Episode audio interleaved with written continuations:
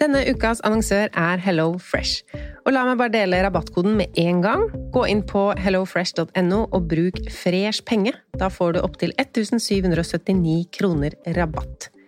Og i dag tenkte jeg å snakke om matplanlegging ut ifra et hva vil jeg egentlig putte i kroppen min-perspektiv. Altså ikke hva som er godt, men hvor mange ganger i uka vil jeg spise fisk, f.eks. Og med Hello Fresh-appen så er dette så fint. Du velger bare ut fra en liste hvilke fem eller fire eller tre middager du vil spise uka etter. Og så kommer matkassa til deg på døra. Og du trenger ikke å tenke noe mer på hva du skal spise. Denne uka så blir det for meg to fiskeretter, to vegetarretter og en eh, kyllingmiddag til guttene. Gå inn på hellofresh.no og se selv hva du kan velge mellom. Bruk koden 'fresh penge' for å få opptil 1779 kroner rabatt på de første seks matkassene dine, pluss gratis levering på den første kassa hvis du ikke har prøvd Hello Fresh tidligere. Rabatten kan du også bruke hvis du har vært kunde hos Hello Fresh, men det er mer enn tolv måneder siden. Har du et enkeltpersonforetak eller en liten bedrift? Da er du sikkert lei av å høre meg snakke om hvor enkelt det er å levere skattemeldingen med fiken, så vi eh, gir oss her. Fordi vi liker enkelt. Fiken superenkelt regnskap.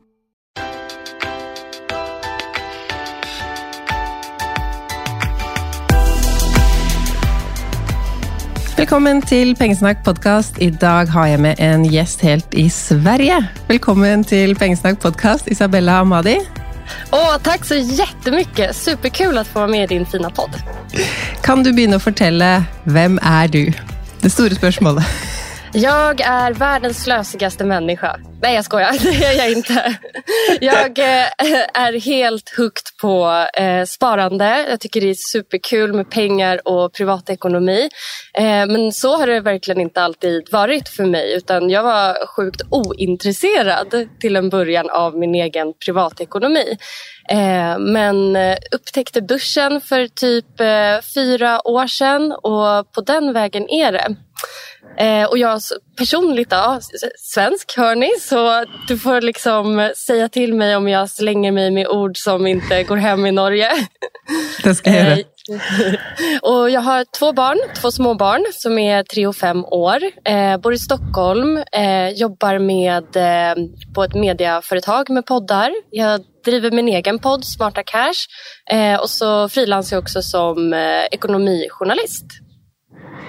Du sa du har en egen podcast om pengar. Varför har du det?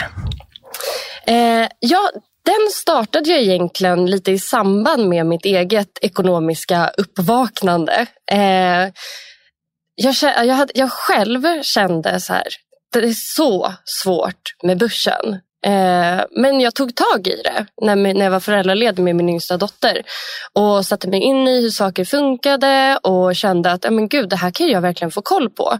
Eh, jag spanade runt lite bland kompisar och de var också så här, nej börsen det är ingenting för mig och liksom var så här avigt inställda precis som jag hade varit. Och då tänkte jag liksom, det här är ju mycket lättare än vad folk tror. Varför är det inte fler som investerar? Jag tittade lite på ekonomimedia och tyckte att det var väldigt så här, eh, gubbigt. Eh, mycket så här äldre män i kostymer, väldigt tråkigt generellt. Så då bestämde jag mig för att jag skulle starta min egen podcast. Eh, och I den intervjuar jag bara kvinnor och det handlar om ekonomi på en massa olika sätt. Alltså det är både börsen och sparande och budget och sådana saker. Men det kan också vara annat. Typ eh, Eh, hur pratar man pengar? Jag har intervjuat en retoriker. Alltså, hur fungerar vi med pengar? Då har jag pratat med beteendevetare och psykologer. Eh, hur gör vi med liksom barnen och deras sparande? Och, ja, så alla olika perspektiv på pengar. Men vad var det som gjorde att du en dag vaknade och tänkte börsen, jag ska investera på börsen, när du aldrig hade varit intresserad i privatekonomi förr? Ja, alltså jag fick ju en slow start. Eh, kanske för eh, tio år sedan så hade jag liksom en större summa pengar som jag bara tänkte att ja, men de, här behöver, eh, de här pengarna behöver växa till sig. Jag visste själv inte riktigt hur så då öppnade min man ett konto eh, på en av de nätbankerna som är liksom populära i Sverige. Eh, och han investerade i både aktier och fonder åt mig och sen så eh, lät han det i princip vara. Eh, och jag loggade verkligen inte in och kollade hur det gick heller. Eh, sen fick vi barn tillsammans och han startade deras barnspar. Eh, men när den, när den yngsta då föddes, då jobbade han och jag bara, men hallå du måste skaffa ett barnspar till lilla också. Han bara, men jag jobbar, kan inte du göra det som är föräldraledig? Och jag sa, nej det kan jag verkligen inte. Alltså, hon kommer inte ha några pengar kvar. Alltså, allt kommer förloras, det kommer bli katastrof. Eh, och han bara, varför skulle det bli det? Bara gör det. Jag, bara, sådär, jag fick nästan lite panikkänsla. Och det var då jag kom igång och bara, okej, okay, men han är inte ekonom, jag är inte ekonom. Varför skulle jag egentligen vara så himla mycket sämre? Jag, är liksom, jag tycker ändå jag är ganska allmänbildad när det kommer till andra saker men ekonomi kändes liksom så främmande på något vis. Så det var liksom det som blev skjutsen. Eh, och jag tänker det är så himla knäppt att jag har så här outsourcat eh, sparande egentligen till min man i många år. Även om jag sparat själv på sparkonto. Så investeringar och liksom de framtidsplanerna det gav jag till honom även fast han egentligen inte är mer kompetent än vad jag är. Nej, jag, jag tror det är ganska vanligt också. Men nu är du ju upptatt av, eller egentligen har du hela tiden varit upptatt av att tänka framöver och spara, även om du gjorde det på sparkonto. Varför är du så upptatt av att tänka framöver i ekonomin? Inte vara lite mer YOLO? Ja, alltså det är jättehärligt verkligen att leva här och nu. Men för mig så blev det verkligen ett wake-up call det här med att få barn också. Alltså, för då är det inte bara min framtid heller som står på spel utan det är också deras eh, barndom, uppväxt och möjligheter sen i livet. Eh, så det är en jättestor drivkraft för mig att verkligen ja, men, trygga framtiden. Alltså jag vill, jag vill ha pengar för att också kunna leva här och nu, fast leva här och nu i framtiden. Det var en fin måte att se det på. Eh, du sa du intervjuar kun kvinnor i podcasten och där räknar jag med att det är kvinnor som är målgruppen till att höra på podcasten också. Varför bränner du speciellt för kvinnor och ekonomi? Ja, nej men alltså, det, det, utgår ju egentligen från mig själv och min egen lilla värld där jag upplevde att, eh, att just eh, aktier och fonder inte var så himla aktuellt för många av mina tjejkompisar. Eh, och sen när jag lärde mig mer så ser man ju att eh, alltså, i Sverige så är eh, sex av tio aktieägare män. Eh, en ännu större andel av kapitalet eh, tillhör män. Eh, och jag tror att det är upp mot 70 procent av börskapitalet tillhör män, ägs av män. Eh, en grej som skrämde mig ganska rejält är att kvinnor har mycket lägre ekonomiskt självförtroende. Alltså vi tror att vi är sämre. Men när jag tittar, tittar på typ studier som Avanza, eh, nätbanken Avanza har gjort, eh, då visar det sig att trots det här usla ekonomiska självförtroendet kvinnor har så presterar vi lite bättre på börsen. Det går liksom jag... inte ihop. Nej, jag har sett det samma i Norge, att eh, det är fler män som investerar. Eh, men när kvinnor först gör det, så är de bättre på det. Ja, det är så här. Kvinnor borde ju hålla mer i pengarna i så fall och liksom vara de som fattar de här investeringsbesluten. Eh, ja, Kanske. Men jag, jag, vet inte. Men det finns ju verkligen, eh, det är ju en viktig jämställdhetsfråga, eh, ekonomi. Det är ju en av de viktigaste aspekterna egentligen av jämställdhet. Att kunna liksom eh, ha makt över sitt liv. Och makt får man ju faktiskt med pengar idag. Eh, och det sträcker sig ju också till ekonomin både i vardagen, för framtiden, för familjen. Det handlar ju om lön, det handlar om, ja, det är ju så många olika delar. Och ju mer pengar, desto mer kan man bestämma själv. Mm. Vi ska snacka lite om familjeekonomi i dag. Då lurar jag lite på sånn Dine, mine, våre. Alltså när i ett förhållande ska man tänka mina och dina pengar eh, och när ska man säga nu är det våra pengar?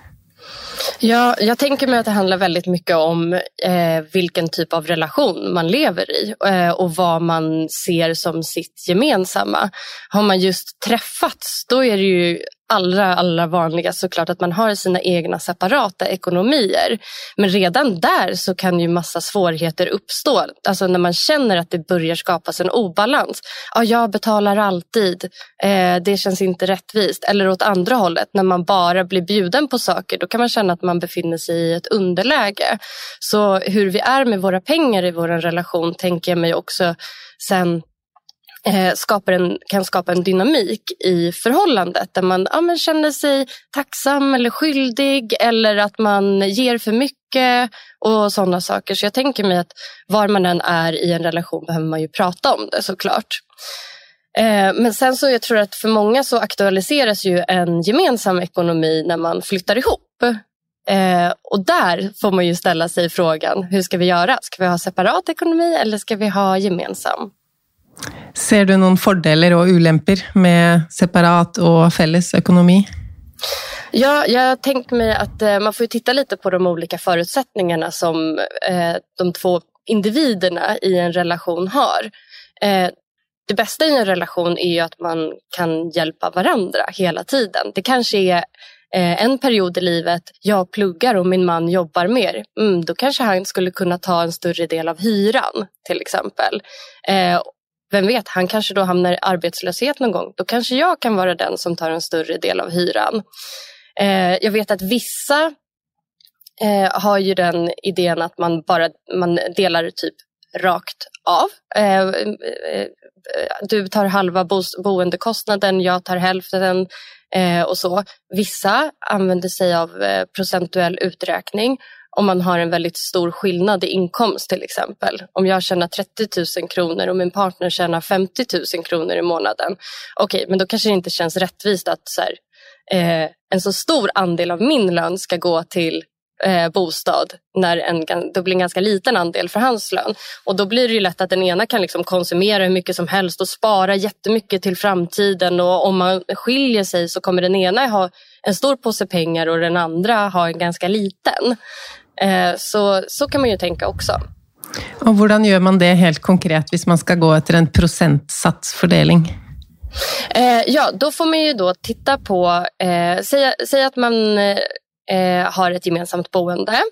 Eh, då slår man först ihop alla fasta kostnader som är gemensamma. Så jag tänker mig hyra eller bolån, alltså bostadskostnaderna. Typ el, försäkring, man kanske gör en snittsumma på maten om den ska ingå där också. Eh, och ponera att den här summan blir 10 000 kronor då, för att det är lätt att räkna med. Eh, 10 000 kronor och om jag tjänar 30 000 då blir ju det 33 procent av min lön som går till mina fasta utgifter. Medan om min man tjänar 60 000 kronor, ja, för honom så blir det ju då bara eh, typ 17, eh, 16,6 procent eh, av hans eh, kost, eh, av hans lön som går till de fasta kostnaderna. Alltså han får ju ett jättemycket större eh, spelrum att göra andra saker, roligare saker eller sparande eller vad det nu kan vara. Eh, så då får man ju helt enkelt justera upp. Okej, okay. eh, om vi båda då ska ha det här, då får man räkna ut vad blir den summan så att vi båda kan eh, betala samma procentandel av vår lön till de fasta utgifterna. Och jag ska inte ge mig på att räkna ut det nu. det ska du släppa. Um, Når det gjelder det å ha muligheten til å skilles Jeg tenker jo at alle kvinner, og menn, egentlig alle par, alltid må tenke at man har råd til å gå ifra hverandre, selv om det jo ikke er gøy å tenke på. Ehm, um, er det noe du råder dine lyttere og følgere til? Ja, alltså jag tycker det är en så...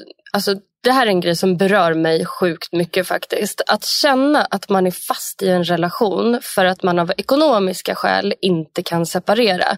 Det är ju bara fruktansvärt. I värsta fall är du ju fast i en relation som är destruktiv på något sätt. Eh, vilket ju eh, krossar en emotionellt. Eh, och det är ju, inte, ja, det är ju eh, obviously inte bra. Eh, och jag läste en undersökning från Fredrika Bremer-förbundet som är så här jämställdhetsförbund. Typ. Eh, och de såg att sex av tio kvinnor oroar sig för sin bostadssituation vid en eh, eventuell separation. Eh, och bostad är ju den stora utgiften för många. Eh, och att känna att mer än hälften känner att de kanske inte kommer klara bostadssituationen om de skiljer sig, det är ju liksom bara hisnande.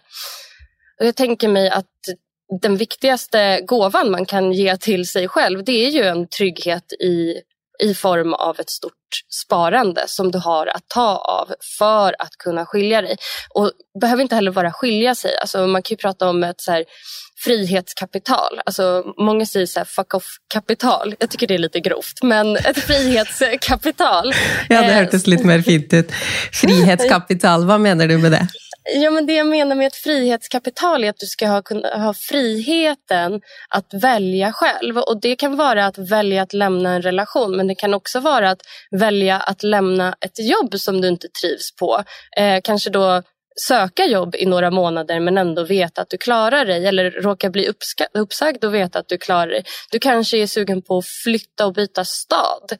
Eh, att ha ett kapital där som finns eh, och kan stötta upp i den eventualiteten. Det för mig är ett frihetskapital.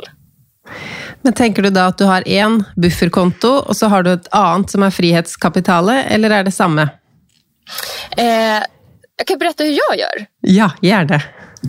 Eh, jag har massa olika konton så det här kommer kanske bli lite förvirrande. Men eh, på sparkonto så har jag, jag har en, en buffert på, mitt, eh, på samma bank där jag också har min lön.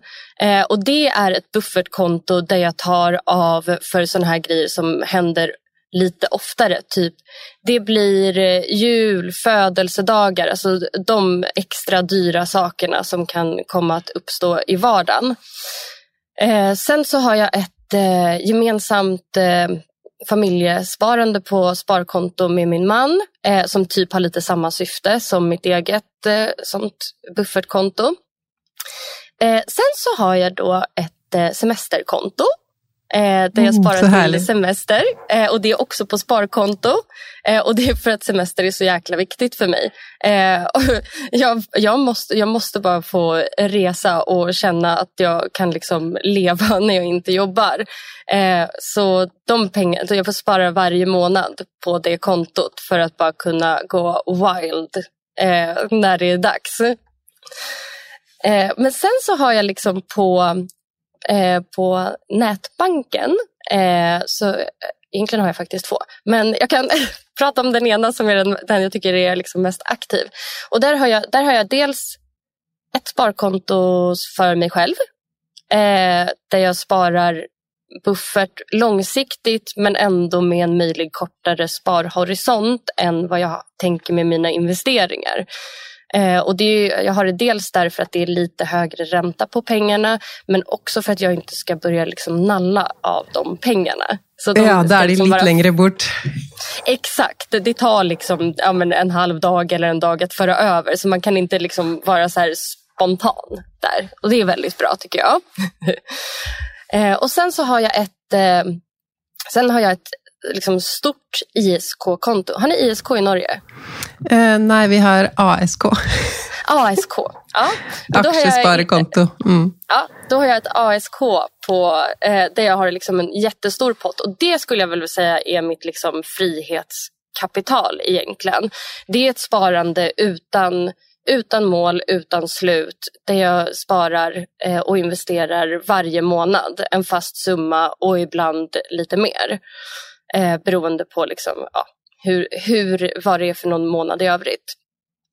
Eh, och sen så har jag ett eh, pensionsspar, ett eget. Eh, och det var någonting jag startade under eh, föräldraledigheten. För även om vi såklart har allmän pension och tjänstepension och så i Sverige så gissar jag att jag inte kommer tycka att pengarna är tillräckliga när jag själv går i pension. Så jag tänker, jag börjar redan nu. Alltså, jag puttar in lite pengar där varje månad så får det växa till sig. Mm. Eh, och sen sparar jag, har jag och mannen också gemensamt bos, bospar. Eh, och vi vet inte när vi eventuellt kommer behöva de pengarna så vi har delat upp det. Dels på sparkonto, dels på, eh, i investeringar. Men på din egen investeringskonto investerar du i enkeltaktier, fond, räntefond eller lite av vart? Eh, ungefär, jag tror ungefär 60-40 eh, till fördel för fonder. Så lite mer fonder än aktier. Eh, och jag hade mer aktier förut för då kände jag mig också mer engagerad och hade mer tid. Och det var liksom en tid när jag också tyckte det var kul att liksom plocka in nya bolag och eh, sparka ut vissa andra och så. Och nu känner jag att eh, alltså tiden räcker liksom inte riktigt till för mig att ha koll på alla de innehaven som jag har. Så jag har kvar en ganska stor ändå aktieportfölj för att vara halvoengagerad. Jag kanske har mellan 12 och 15 olika bolag i min aktieportfölj. Men de är nästan uteslutande stora, stabila svenska bolag som jag har hyfsad koll på och som typ marknaden som sådan eh, och media rapporterar om hela tiden. Så att jag behöver liksom inte själv göra massa research utan det räcker lite med att hänga med i nyheterna så vet man vad som, vad som är på gång. Typ. Ja, för då är det 15 stora svenska firmor du har investerat i. Mm. Ja. ja, och Tesla. Og Tesla. Eh, vi skal snakke litt mer om barn. Og jeg så at det nettopp var en undersøkelse i Sverige om hvor dyrt det er å ha et barn. Var det fra 0 til 18 år? Mm. Hvor mye koster et barn? Ja, alltså ett barn då under hela dens uppväxt kostar kring en och en halv miljon. Jag tyckte ändå att det var ganska lite, för någon gång har jag hört en siffra på två miljoner nämligen. Men det som var intressant med den här undersökningen i alla fall, de kom fram till då att ett barn kostar eh, en och en halv miljon och då har de räknat in ja, men allt från liksom eh, kläder, mat, aktiviteter, födelsedagspresenter, ja, men allt som rör ett barn. Jag tror till och med att de har tagit höjd för att man behöver bo större när man har barn, så liksom lite så ökade bostadskostnader också. Eh, men det som fascinerade mig med den rapporten verkligen, det var att eh, bara på två år så har det blivit 300 000 kronor dyrare att ha barn. Alltså, vad, vad händer egentligen? Ja, då är det, är det liksom inflation generellt eller är det att vi föräldrar brukar mer på barnen våra än förr eller bägge delar kanske? Ja, jag tänker som du. Alltså det borde vara bägge delar. Alltså för att Inflationen har ju dragit iväg kanske som värst det senaste året. Men köphysterin, eh, den påverkar ju verkligen eh, oss föräldrar väldigt mycket. Alltså det är så mycket som ska köpas. När jag och min man, alltså när jag väntade första barnet, då skrev min man en lista på saker som vi behövde inför, för, inför liksom födseln. Det var typ hundra grejer. Och jag var så här, behöver man allt det här? Han bara, det behöver man. Jag bara, ah, det behöver man. Det här måste man ha. Annars är man ju en urusel förälder. Det är klart att du ska ha allt det där. Och sen så blir det ju så att när man väl har fått barn, då inser man ju ungefär vad ens barn tycker om och använder. Jag menar, mina barn har aldrig sovit i en spjälsäng. De har bara vägrat det. Men det är, la vi många slantar på ändå. Så... så vad slags ting har du gjort för att kutta ned på kostnader till eh, barn och den småbarnstiden? Eh, alltså jag är ett stort fan av second hand. Eh, det är ju verkligen, alltså det är ju sån dröm. Alltså om man inte har börjat med second hand och känner att det är en tröskel. Alltså ta bara klivet för det är som att öppna liksom portarna in till Narnia. Och man bara, ah det är en helt ny värld. Allting är jättebilligt. Eh, den här idén om att saker typ är ofräscha, luktar konstigt, är noppriga. Alltså det stämmer inte för att det är så mycket saker, kläder, inredning i rörelse hela tiden. Så saker är typ inte, alltså, de har inte ens hunnit bli dåliga det är inte sunkigt utan det är jättefina saker som man liksom köper till en spottstyver av ursprungspriset. Eh, så det är ju världens bästa. Alltså jag kan ju bara jämföra med när jag fick mitt första barn och vi köpte allt nytt. Alltså allt från liksom sådana små eh, sparkdräktar till liksom möblemang, vagn, alla de här grejerna. Till liksom barn två.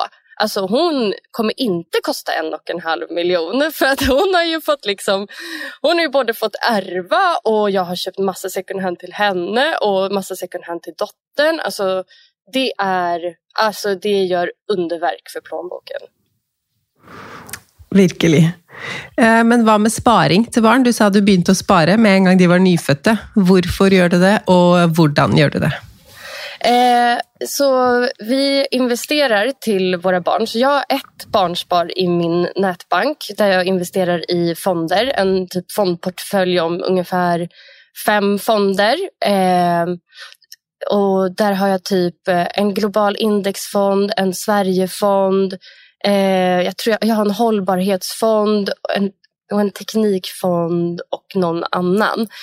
Eh, och min man har ungefär samma. Då. Eh, och vi sparar i en sparform som heter kapitalförsäkring. Jag vet inte om ni har den i Norge?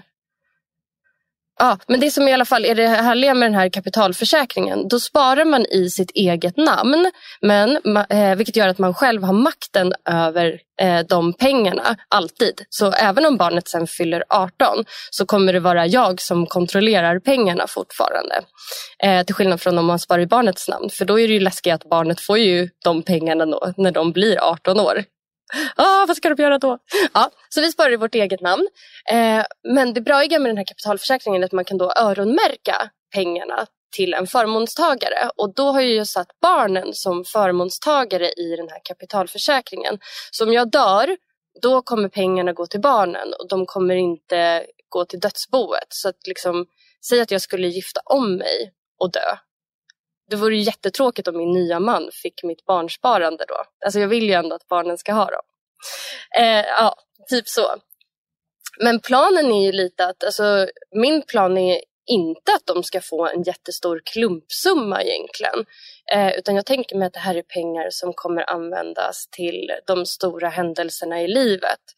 Säg att någon av dem vill eh, plugga i ett annat land eller så och det är en liksom betalskola. Ja, men då kanske jag kan vara med och eh, eh betala den helt enkelt. Eller säg att de eh, eh har ett sjukt dyrt intresse, typ vad vet jag, häst, annat som kostar mycket pengar. Ja, men då kanske man kan använda lite av pengarna till det också. Eh, och så såklart en bra start i livet. Ja, det är jättehärligt om man kan typ så här prisa ett körkort eller eh, hjälpa till liksom vid tillfällen. Men jag tänker samtidigt att Alltså jag, ska inte jag vill inte bara ge heller. För att jag tänker mig att den bästa skolan är att få kämpa för sina pengar själv. Mm. Jag vet inte. Hur tänker du? Nej, jag tänker samma. Jag sparar till mina barn, för vi får barnetrygd varje månad och jag tänkte jag trenger inte det till något, så jag sparar det till mina barn. Eh, men samtidigt så har ju jag fått en god ekonomisk självtillit av att spara, av att jobba, av att klara ting själv. Eh, men samtidigt, boligpriserna blir högre och högre, så jag har inte en konkret plan, men jag sparar också i eget namn för att de inte ska bruke opp alle pengene på en sydentur när de är 18. For det är i alla fall inte min plan med de pengarna. Nej, exakt. Ja, alltså, bo, just bostadssituationen är ju en jättestor oro i Sverige också. Alltså, det kostar så sjukt mycket. Du behöver en jättestor eh, kontantinsats för att få köpa. Hyresmarknaden är eh, rätt kast. Det finns liksom inte tillräckligt med hyreslägenheter. Så att det är jättesvårt att komma in. Eh, samtidigt Um, ja, jag vet inte. Jag har också en känsla av att saker löser sig. Alltså, det gör ju ofta det. Alltså, det kanske inte är så hemskt att bo i liksom andra hand eller liksom hyra in sig hos en kompis eller sådana saker. Alltså, det är ju lite det som hör ungdomen till också. Inte att bara få en vräklägenhet för att mamma är så himla bra på att spara. Typ. Nej, inte sant. Vad lär vi dem då? Jag vill ju lära dem att jobba för pengar och att ting inte kommer av sig själv. Mm. Uh, men uh, jag har sparing till dem, det har jag. Ja. Och samtidigt vill man ju ge dem det allra bästa och att de ska leva det bästa livet någonsin. Så det är en svår balansgång. Virkelig. Tänk att starta sitt vuxenliv med allerede den fuck you-kapitalen, eller vad kallar du det? Frihetskapitalen. Mm. Att man då kan göra vad man vill och inte tänka jag må välja den utdannelsen på grund av lön eller jag har inte råd till att göra det jag egentligen vill. Uh, vad sker då om man kan bara välja utifrån intresse och värderingar och inte måste tänka på pengarna? Jag vet inte, det kan gå bra, det kan gå dåligt. Verkligen. Alltså jag tänker mig, alltså, rika människor är ju egentligen inte lyckligare. Eh, så att eh, hur man än gör så måste ju barnet fortfarande hitta sin egen väg. typ. Men ja, pengar hjälper. Pengar hjälper. Har du börjat att tänka på ukepengar eller snackar du med barnen dina? Nej, bägge dina går i barnhagen. Mm, ja, båda är i barnhage, så de är ju små. Men min femåring, eh, hon, är ju ganska, hon är ganska med på noterna ändå. Eh, och jag tycker att mycket så här vardagsgrejer Ehm, eh, sätter sig hos henne. Liksom, alltså, jag tror hon börjar haja begreppet liksom att prioritera. Även om hon kanske inte skulle säga prioritera så kan hon fortfarande... För jag, alltså jag brukar inte säga så här, nej vi har inte råd när hon pekar och tjatar. Utan jag brukar för, liksom, försöka hitta ett annat sammanhang för henne att förstå varför man inte kan köpa alla saker man ser hela tiden. Eh, så typ är man i leksaksaffären säger jag alltid åt henne, och så, Bra, oh, wow vilken fin, den sätter vi upp på din önskelista. Så hon förstår att man får fina saker när man firar någonting speciellt. Man får inte fina saker varje dag. Eh, vi brukar spela ett spel eh, som är så här, alltså ett mobilspel. Det här är egentligen jag som gillar det här mobilspelet som heter Diner Dash. Men där är i alla fall, då sparar man, när man klarar en bana får man en stjärna så måste man samla stjärnor då för att sen eh, köpa i spelet då, eh, liksom nya attiraljer till sin värld.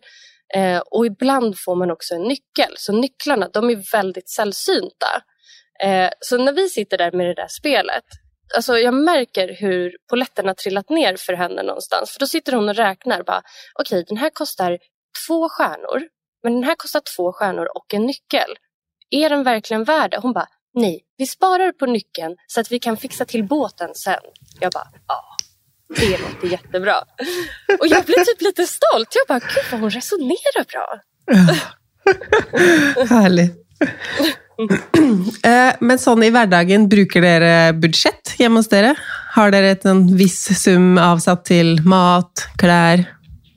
Alltså vi är så dåliga på att budgetera. Vi, ja, vi har en budget och vi försöker liksom följa den här budgeten. Men jag tror att eh, alltså det faller lite på att vi inte uppdaterar budgeten tillräckligt ofta. För det är ganska lätt liksom att sätta sig och skriva ner. Okej, men eh, de fasta utgifterna de är ju självklara. Liksom.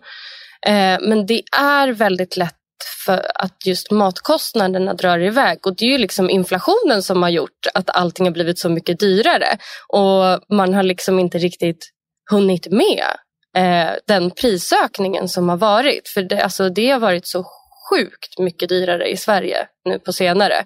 Det är liksom, jag, jag fattar inte. Folk fattar inte. eh, men alltså, tänk mig, alltså, just i en gemensam ekonomi så har det varit jättebra för mig och min man att göra budgetar tillsammans, speciellt under tider av föräldraledighet.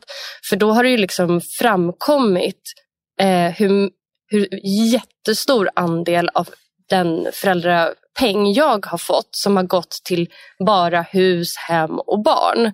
Och att han kunde ju sitta och liksom fort, fortfarande liksom beställa hem en ny jacka dricka, äta luncher ute. Och jag bara, fast jag står hemma och kokar makaroner varje dag för jag har inte råd att gå ut eh, och äta lunch som du. Han bara, oj, har du inte? Men, Nej, det har jag inte. Så jag tänker mig att det är så himla viktigt. Alltså, det bästa med en budget det är ju att det skapar en öppenhet kring ekonomin. Alltså, det är ju en, alltså, en icebreaker typ. Okej, okay, låt oss prata. Vart går våra pengar? Liksom? Og en annen ting som er sånn eh, likestillingsspørsmål um, med lønn. Kvinner mm. og lønnssamtale. Kan du ja. fortelle noen tanker rundt uh, Er vi damer dårligere på å ta den praten med sjefen? Kanske. att eh, kvinnor kan vara försiktigare när de sätter sina löneanspråk. Kanske att det finns eh, ett visst dåligt självförtroende eh, Eh, när man pratar lön med sin chef. Jag vet inte. Oavsett så tänker jag att det är, eh, det är inte kvinnors fel. Alltså, det är ett stort systemfel. Alltså, det är ett strukturellt problem att kvinnor inte har eh, lika lön för lika arbete. Eh, och Det handlar inte om att vi måste gå in och göra bättre ifrån oss egentligen i löneförhandlingen. Så det handlar om att vi på en strukturell nivå måste få upp eh, värdet på kvinnodominerade yrken så att lönerna där stiger. Eh, jag tänker liksom vård, omsorg, skola där många kvinnor jobbar eh, för, lä för lägre löner.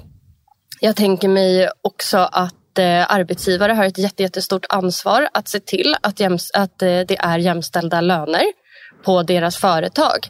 Eh, så att man jämnar ut de skillnader som finns. För absolut, individuell lönesättning kan, kan ju vara liksom jättebra att man får lön efter prestation. Men om alla kvinnor per automatik då får lite lägre än männen. Det är ju inte så att kvinnor är sämre på sina jobb än vad män är på sina jobb. Utan vi är olika bra på olika saker och det har ju inte med våra kön att göra. Så att, ja, eh, några liksom knep finns väl säkert liksom för hur man ska som, som individ tänka för att få upp sin lön. Men det stora alltså problemet är ju större än så.